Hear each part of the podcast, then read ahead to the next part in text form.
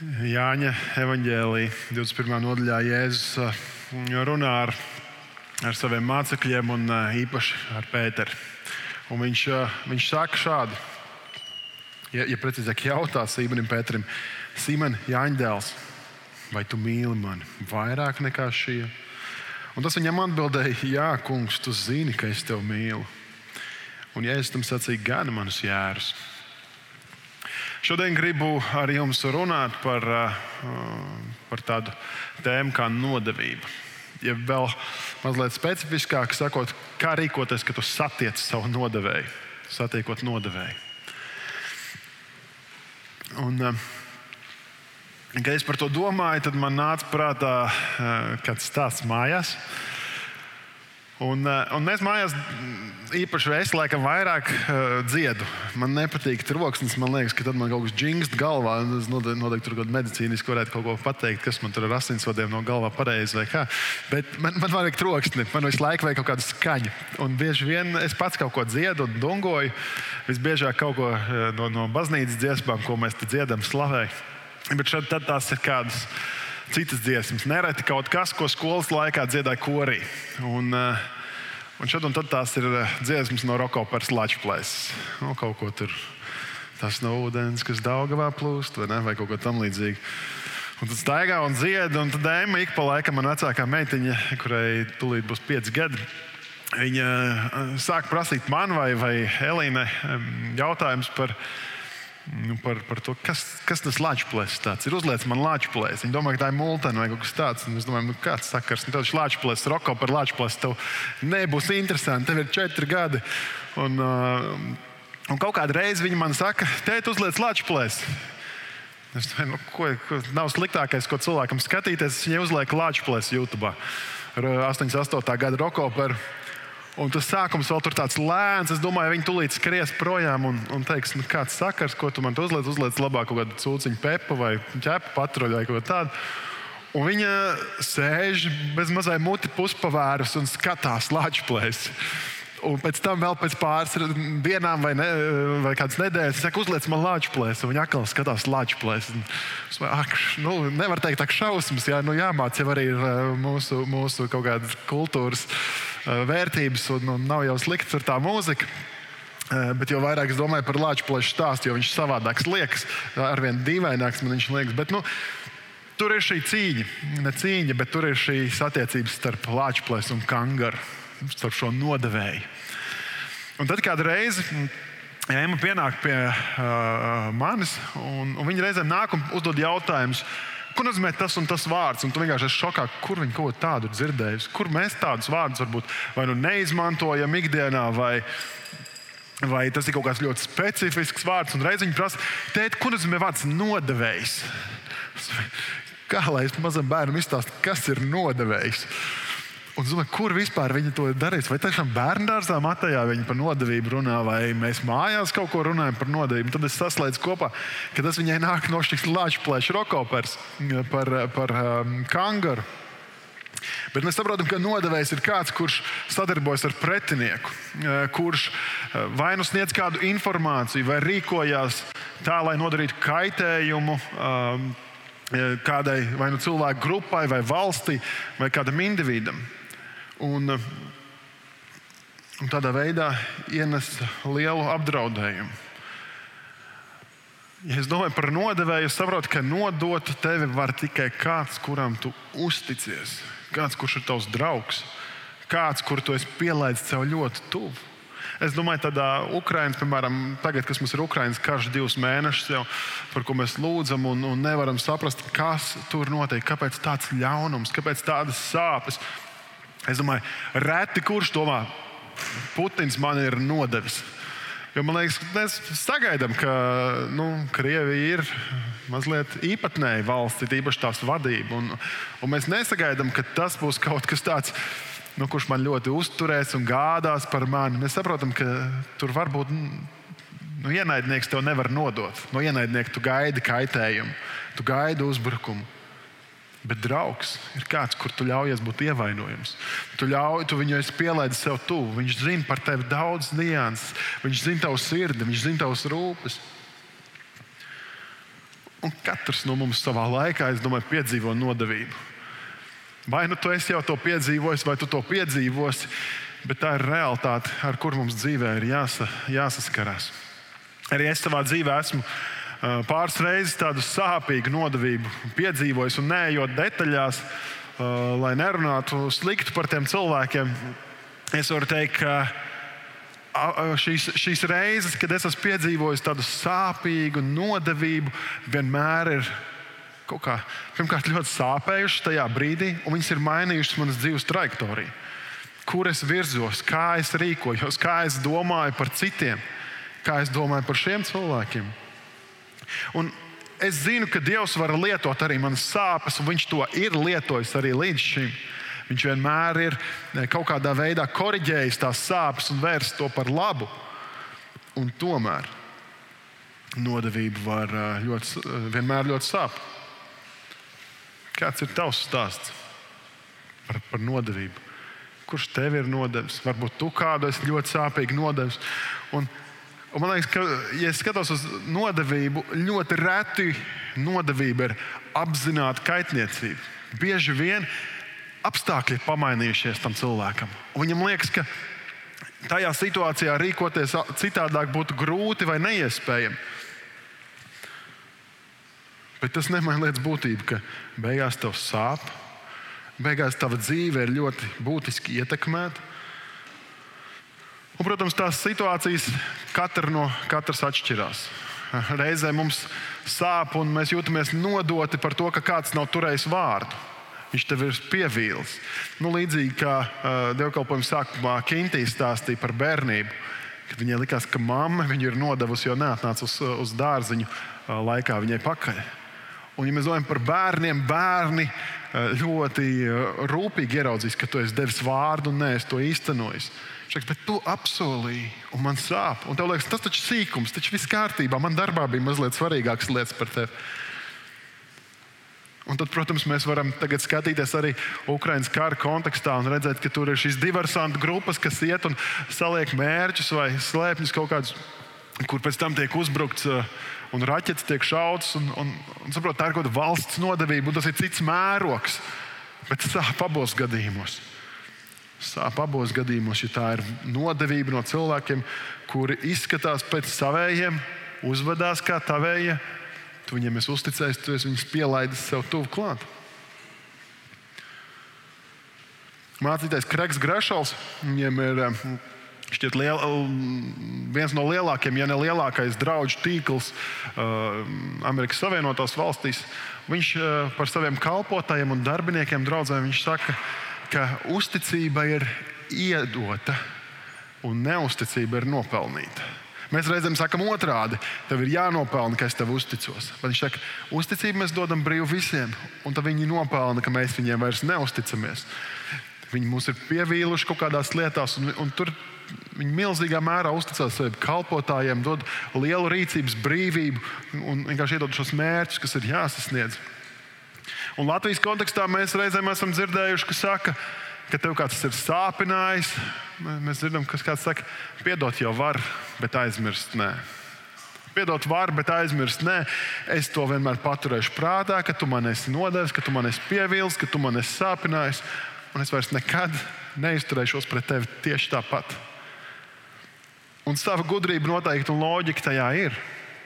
Bet es neesmu drošs, ka tā ir kristīga rīcība. Ja mēs skatāmies uz mūsu attiecībām ar Dievu, tad Viņš, kad mums piedod grēkus, Viņš tos atliek tālāk nekā rīt ir no vakariem. Tie nekad vairs netiek pieminēti, tie ir izdzēsti, par tiem ir samaksāts. Un mums tiek dot iespēja dzīvot tālāk. Bet kāda ir tava reakcija, kad tu satiec savu nodevēju? Cilvēku, kurš tev ir sāpinājis, kad tu viņam skaties acīs. Noteikti tas skatiens un rīcība mazliet atšķirīga nekā pirms tā nodošanas brīža. Un šodien mēs jau lasījām Jāņa Evanģēlī 21. nodaļas otro pusi, ja beigdaļu, kur Jēzus runā ar Pēteru kas ir viens no viņa nodevējiem. Bet mēs zinām, ka Jēzus nodeva nevis tikai Pēters, viņa nodeva divi viņa mācekļi, jeb tuvi draugi, kas viņam bija sekojuši trīs gadus, ar ko viņš bija kopā bijis. Tur bija, protams, Pēters, kurš bija līderis starp Starp mācekļiem tāds vadonis, viņiem tāds ļoti karstasinīgs, dedzīgs puisis, un tad bija jūda kurš mūsu acīs vienmēr tiek portretēts kā sliktais un, un pamatot, bet viņš arī bija tuvs Jēzum. Jēzus viņam uzticējās. Mēs zinām, ka Jūda bija viņa manzinis, viņš nesa viņa maku. Viņš, viņam bija uzticēti visi resursi, kas ir mācekļiem kopā. Viņam bija liela brīvība rīkoties, darboties. Mēs zinām no, no Bībeles, ka Jūda mēdz piesavināties daļu no šīs naudas. Bet tie bija divi cilvēki, kuriem Jēzus ļoti uzticējās - Pēters, Jūda. Tie bija viņa draugi, kas viņu nodeva. Mēs redzam, ka, protams, Jūda uh, nodod Kristu nāvē. Jēzu, viņš, viņš aiziet, viņš, uh, mēs nezinām, kāda bija īsta viņa motivācija. Mēs varam minēt, mēs varam skaidrot no Bībeles, bet, bet Jūda aiziet pie augstiem priesteriem un, uh, un saka, es jums pateikšu, kur Jēzu jūs varat satikt, kur jūs viņu varat arestēt. Un, un noteikti, viņa motīvi bija labi tajā brīdī. Nevis kā, liel, kā lielākā mērā kaitēt, bet viņš bija kaut ko izdomājis savā galvā, ko mēs šobrīd nevaram saprast, vai kur nu vēl attaisnot. Jūda nodod Jēzu nāvē. Savukārt Pēters, kurš bija solījis, es esmu gatavs ar tevi iet kaut vai nāvē vai cietumā, viņš pie pirmajām grūtībām, viņš teica, es to Jēzu nepazīstu. Viņš dievojās, ka viņam nav nekā kopīga ar Jēzu. Ka viņš ir varbūt līdzīgs kādam, kurš kur Jēzus pazīst, bet viņš, viņš nav Jēzus sekotājs vai māceklis. Ja mēs zinām, ka jūda tajā brīdī, kad viņš redzēja, ko viņš ir nodarījis, viņš griezās atpakaļ, mēģināja atdot to naudu, vērst situāciju par labu. Pēters, viņš bija noliedzis, viņš bija izbijies, viņš turējās pa gabalu, viņš īsti nedarīja neko. Mēs zinām, ka, ka jūda redzot, ka viņš nespēja atrisināt situāciju, aizgāja un pakārās, darīja savu galu. Mēs zinām, ka Pēters, lai arī kaunpilns, sirdsapziņas pārmetumu mākts, viņš palika. Vēlāk arī sastapās ar augšām celto Jēzu. Ar Jēzu, kuru jūda nevarēja vairs satikt, jo viņš bija beigts. Viņš bija nodarījis savu atņēmis savu dzīvību. Un, kad es skatos uz šo Jēzus sastapšanos ar Pēteri, un arī domājot par visu to kontekstu, kur Jēzus tiek nodots tik īsa laika posmā no divu savu ļoti tuvu draugu puses, es redzu, vismaz trīs noteikti tur varētu vairākas lietas, ko varētu mācīties mēs arī sev, bet vismaz trīs lietas, ko mēs šodien varam mācīties un ņemt sev. Un tā pirmā lieta, ka nodevība ir nenovēršama jūs jau dievkalpošanas svētdienas sākumā domājot par savu dzīvi, gan jau varētu iedomāties, ja toreiz man nodeva tas cilvēks, toreiz man nodeva tas cilvēks, un mēs esam piedzīvojuši nodevību. Un, ja tu nevari nevienu iedomāties, es tev pateikšu, priekšā, agrāk vai vēlāk tu piedzīvosi nodevību no kādiem cilvēkiem, kuriem tu uzticies. Tāda ir cilvēka daba. Mēs mēdzam sāpināt. Un Jēzus arī paredzēja šo nodevību. Viņš zināja, ka viņi nodos. Mēs būsim šodien Jāņa evanģēlī 21. nodaļā, kur mēs jau lasījām, un vēl mēs būsim arī mazliet 20, Lūks evanģēlī 22. nodaļā, kas ir laiks pie Paskā mīlestības baudīšanas, pēc tam ģēdzemanas dārzā. Un tur ir Tur Lūks evanģēlī 22. nodaļā, 21. līdz 23. pantā. Tas ir tieši pie paskā mīlestības, kur Jēzus, ko mēs sakām, iestāda svēto vakarēdienu. Viņš ar saviem mācekļiem bauda šo mīlestību. Un viņš saka, bet redzi tā cilvēka roka, kas man nodod, ir līdzās man uz galda. Jo tiešām cilvēka dēls aiziet, kā tas nolikts, bet vai tam cilvēkam, caur kuru viņš tiek nodots? Un viņi sāk taujāt cits citam, kurš no viņiem to grasās darīt. Mēs redzam, ka Jēzus ļoti skaidri pasakā, šeit ir viens. Un ja mēs zinām, ka Jēzus redz sirdi. Viņš to vairākās situācijās ir parādījis, ka viņš redz cauri cilvēkam, ko viņš domā, ko viņš grasās darīt. Mēs zinām, ka Jēzus zina, ka tas ir jūda. Viņš zina, ka jūda viņu nodos. Pavisam dažus pantus tālāk, dažas minūtes vēlāk, 31. līdz 34. pāns, kur ir Jēzus saruna ar Pēteri. Viņš saka, Sīmani, Sīmani redzi, Sātans gribēs jūs sijāt kā kviešus, bet es esmu lūdzis par tevi, lai tava ticība nemitētos. Un, kad tu būsi atgriezies, stiprini savus brāļus. Un Pēters Jēzus sacīja, Kungs, es esmu gatavs ar tevi doties pat cietumā un nāvē. Bet, ja es sacīju, es tev saku, Pēter, vēl gailis nebūs šodien nodziedājis, pirms tu trīs reizes nolieks, ka mani pazīst. Ja es zināju, ka šie divi viņa tuvie draugi, mācekļi, sekotāji, viņi nodos. Bet Jēzus turpina mīlēt šos cilvēkus. Viņš turpina izrādīt viņiem klātbūtni, mīlestību. Kaut arī viņš zina, ka Jūda viņu nodos. Viņš zina, ka Pēters viņu nodos. Viņš ar viņiem turpina ēst, maltīt kopā, būt sadraudzībā, būt kopībā. Es nezinu, kā es rīkotos, ja es zinātu, ka man ir līdzās divi čomi, divi draugi, un ka tūdaļ tuvāko 24 stundu laikā abi viņi man nodos. Es nezinu, vai es spētu saglabāt tādu mieru, tādu mīlestību parādīt. Bet, ja es rādu, tas, ka cilvēks tevi nodos, nenozīmē, ka tev pret viņu ir jāizturās ar mazāku mīlestību. Es, at, es nezinu, kurš to man mācīja, kad man bija 15 gadi, kad es tik, tikko biju kļuvis par kristieti. Eh, un, ja es neatceros, kurš to mācīja, es parasti piedāvāju to mācību svētiem garam. Es esmu priecīgs, ka es to noglabāju savā sirdī. Tas man vairāk kārt ir pasargājis no, no lielām sāpēm un rūkuma. Bet, bet tā, tā, tā doma bija tajā, ka tad, kad man ticība tikai veidojās un es tikai sakņojos Kristu, kāds man teica, bet neliec savu ticību uz mācītāju, neliec savu ticību uz tiem foršajiem jauniešiem, ar kuriem tu kopā audz. Jo, ja tu tā darīsi, tu vilsies, tev sāpēs. Un bija tik daudz reizes, kad mēs ar kādu runājam, viņš saka, bet vai tu zini, tas, kurš te priekšā dara un kalpo, es viņu redzēju piekdienas vakarā vecerīgā. Un, un ja es būtu līdz savu ticību uz to, ko viņš dara, tad es būtu vīlies. Un tad cits reizes, ka kāds saka, jā, bet tas kristietis dara tā un tā. Viņš aprunā, viņš rīkojās nekristīgi, nebibliski. Un ir bēdīgi, ir sāpīgi to zināt un, un redzēt. Bet tas neietekmē to, ko Dievs darīs pie manis. Un, ja es savu ticību lieku uz mācītāju, tad tajā brīdī, kad mācītājs tiek aicināts uz citu draugu vai kādu citu iemeslu dēļ, ir projām vai izdara kaut ko, kas arī nav kristīgi vai bibliski, tavu ticību tiek sagrauta, jo tu esi līdz savu ticību uz to cilvēku, kurš ir priekšā, bet tas cilvēks šeit priekšā ir tikai vēstnesis, nevis kaut kāds svētais.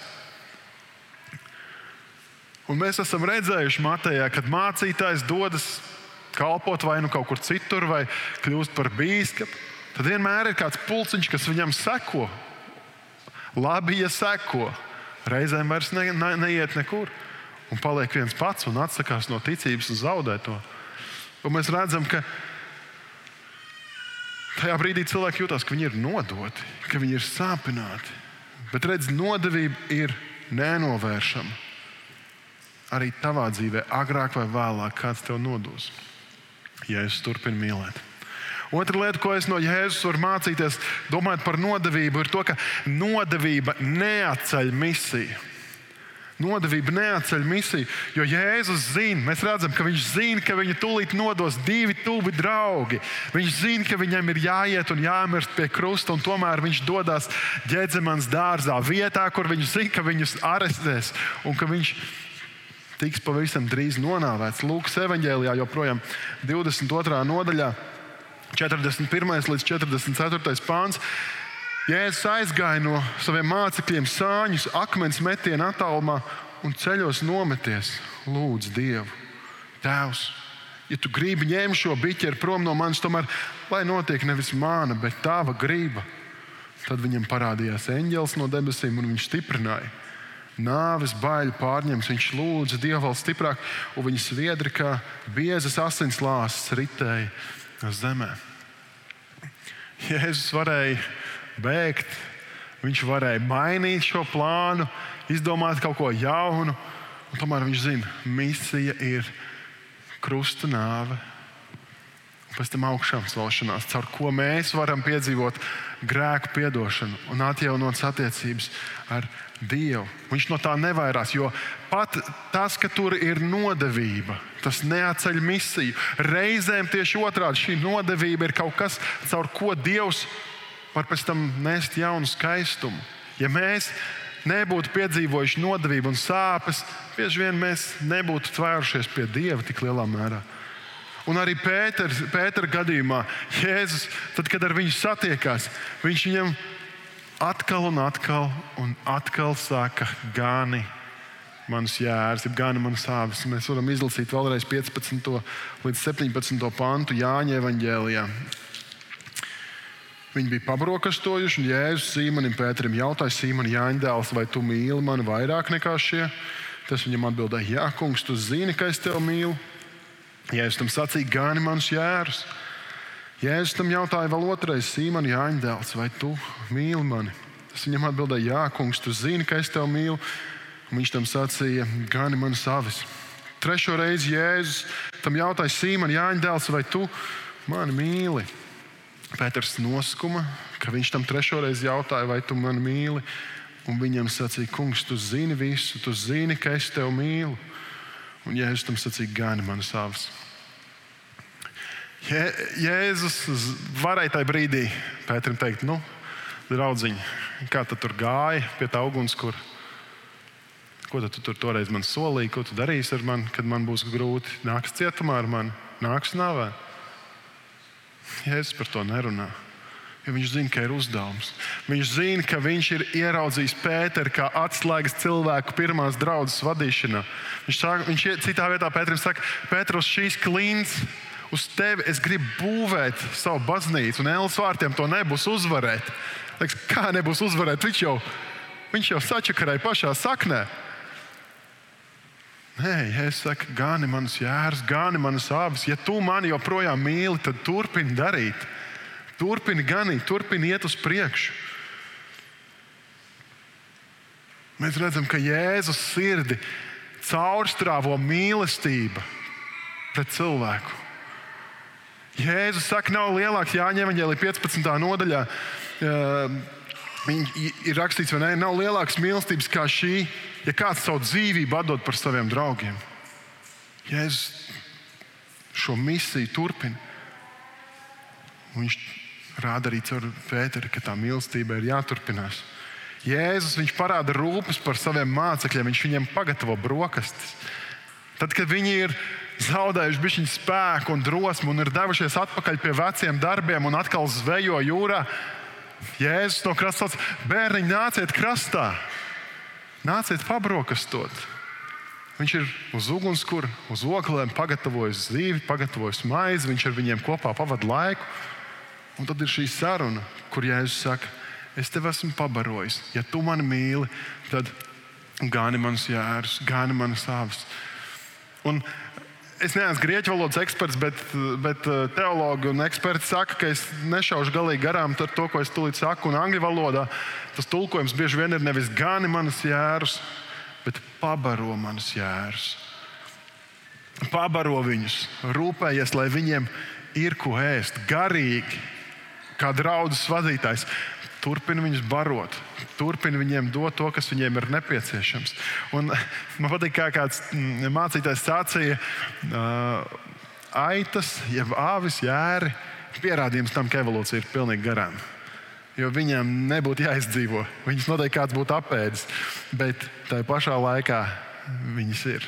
Jo vienmēr ir kāds, kas viņas gan, kas viņas virza, kas par viņām rūpējās. Un es domāju, ka mums arī tas nav visglaimojošākais vārds, ko Jēzus varētu norādīt uz saviem sekotājiem, ka jūs esat aitas vai jēri. Un, eh, un tomēr viņš saka, es esmu ar jums. Pat ar visām tām problēmām, kļūdām, kuras jūs pieļausiet bez manis, es būšu, es jūs vadīšu, es jūs barošu, es par jums gādāšu. Un redz, kur būs Pēters, kurš par jums turpinās, gani, eh, jūs turpinās ganīt, par jums turpinās rūpēties. Tad nodevība ir nenovēršama, un nodevība neatceļ misiju. Bet ko mēs varam darīt? Un trešā lieta, ko es no Jēzus šīs sarunas ar Pēteru redzu, ka mēs varam mainīt savu dzīvi un no nodevības virzīties uz nodošanos. No tā, ka mēs esam nodevuši Kristu, mēs varam virzīties uz to, ka mēs nododamies tai misijai, kur nav atcelta, kur joprojām ir spēcīga dzīve un varena. Un, ja Pēters publiski trīsreiz aizliedz Jēzu un novērsās no viņa, tad Jēzus viņam dod publisku iespēju atjaunoties, viņu atjaunot šo solījumu. Un tāpēc mēs redzam, ka Jēzus atkal un atkal jautā, Pēter, vai tu man mīli? Viņš saka, Jēzus, tu zini visas lietas, tu zini, ka es tevi mīlu.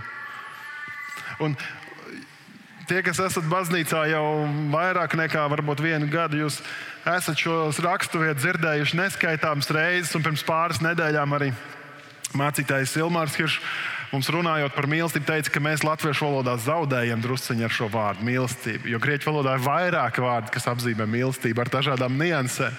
Un šeit arī ir šī vārdu spēle, kur, kur Jēzus viņam saka, Pēter, vai tu mani mīli ar šo agapes, uzupurējošos, beznosacījumu mīlestību? Un Pēters saka, Jēzu, es tevi mīlu kā brāli, es tevi mīlu ar šo filio mīlestību. Un Jēzus saka, otrā reize arī, vai tu man mīli ar šo beznosacījumu mīlestību? Pēters saka, es tevi mīlu kā brāli. Un, es trešā reizē viņš saka, Pēter, vai tu mani mīli šo brāļa mīlestību? Un Pēters noskumst, jo, jo nevienā brīdī Jēzus viņam nepārmet par viņa kļūdām, bet viņā ir šīs sirdsapziņas pārmetums. Nezinu, mēs varam teikt, arī svētais gars mums uzrāda mūsu kļūdas un problēmas. Un Pēters šeit noskums 17. pāntā. Mēs redzam, Pēters noskuma, ka viņš tam trešo reizi jautāja, vai tu mani mīli. Un viņam sacīja, kungs, tu zini visu, tu zini, ka es tevi mīlu. Un es tam sacīju, gani manas avis, gani manas avis. Jēzus aicina mūs uz mīlestībā balstītu rīcību. Nevis uz bailēm, nevis uz kaut kādu vienkārši pašdisciplīnu. Ir vieta disciplīnai, ir vieta bailēm un bijībai pret Dievu, bailēm varbūt no ēlas vai vēl kā. Bet rīcība mums priekšā ir jādzina mīlestībai. Jo, kā jau saku, Jēzus, Jēzus jau portretē caur šo, šo teikt, ne tikai teikumu, bet arī rīcību, ka nav lielākas mīlestības kā šī. Ja kāds atdod savu dzīvību par saviem draugiem, Jāņa Evangelijas 15, 13. Un Jēzus ne tikai to runā un māca gudri, bet viņš arī to parāda. Viņš to portretē. Mēs lieldienās to svinējām, lielā piekdienā, kad viņš tika sists krustā. Viņš atdeva savu dzīvību par tevi un mani. Katru reizi, kad mēs grēkojam, Kristus rokas tiek caurdurts. Un tomēr, kad Jēzus satiek savu nodevēju, viņš viņam nevis bāž acīs viņa kļūdas un problēmas. Viņš viņam atkārtot jautā, vai tu mani mīli, vai joprojām tu mani mīli. Un mēs redzam, ka 18. pantā, 18. pantā mēs redzam, ka Jēzus arī parāda patiesi.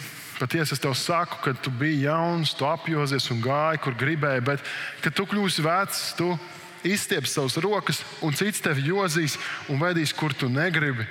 Un to viņš sacīja, norādījams uz to, kādā nāvē Pēters pagodinās Dievu. Pēc tam, ja es viņam sacīju, seko man. Un uh, no vēstures mēs zinām, ka Pētera nāve bija līdzīga kā Kristus nāve. Viņš tika piesists krustā. Pēters gan teica, es neesmu cienīgs, ka mani nogalina tādā pašā veidā, kā manu glābēju Kristu. Tādēļ krusts tika ielists zemē, kājām gaisā.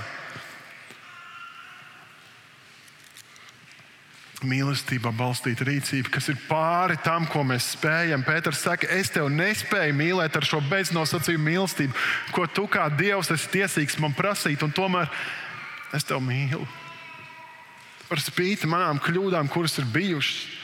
Par spīti neatkarīgi no tām kļūdām, kuras vēl būs, un mēs katrs pieļausim kļūdas. Mēs zinām to pat no, arī no Pētera, no pirmās baznīcas vadītāja dzīves.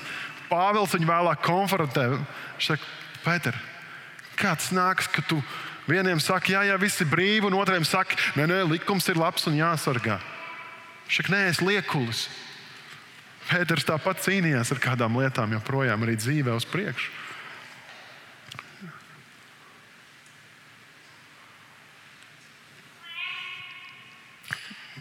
Es zinu, ka mēs bieži vien šodien aicinām arī uz kristībām. Un cilvēki reizēm, kad es runāju, viņi saka, es neesmu pietiekami labs, lai kristītos. Es neesmu pietiekami labs.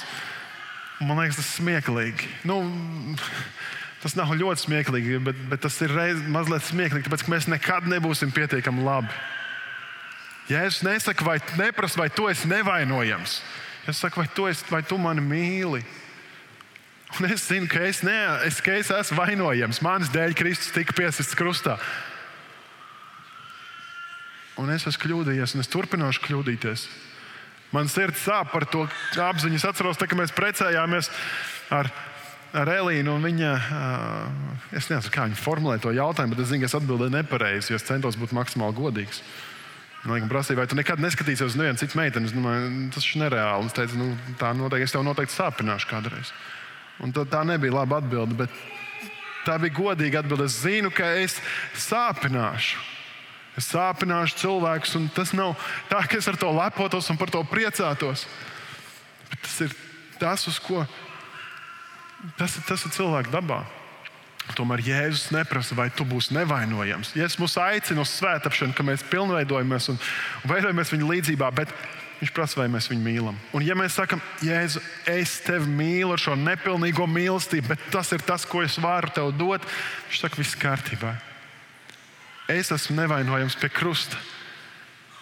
Bet tavs uzdevums ir gani manas jēras, rūpējies par kādu, kurš ir jaunāks par tevi, kurš ir vājāks par tevi, kuram ir vajadzīga palīdzība. Cik reizes to es biju nodevējis?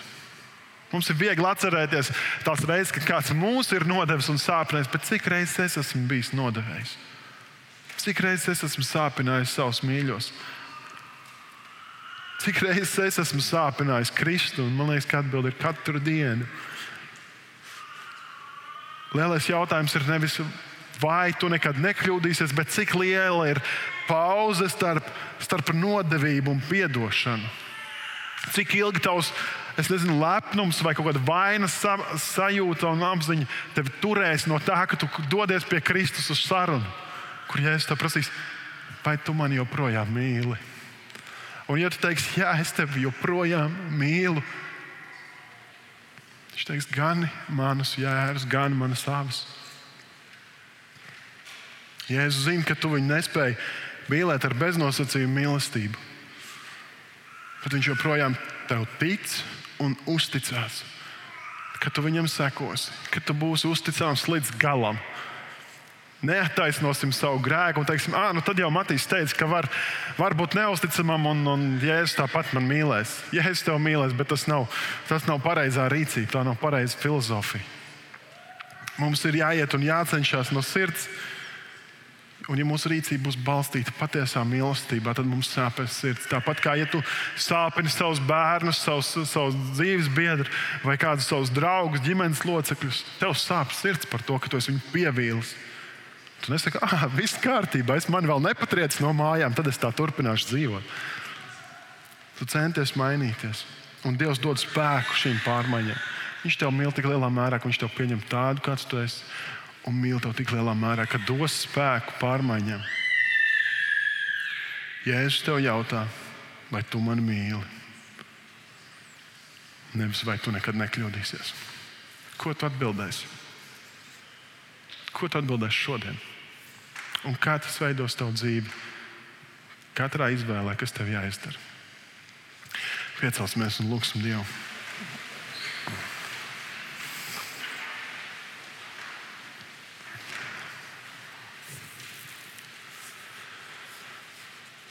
Jēzu, piedod par tām reizēm, kur mēs tevi esam sāpinājuši.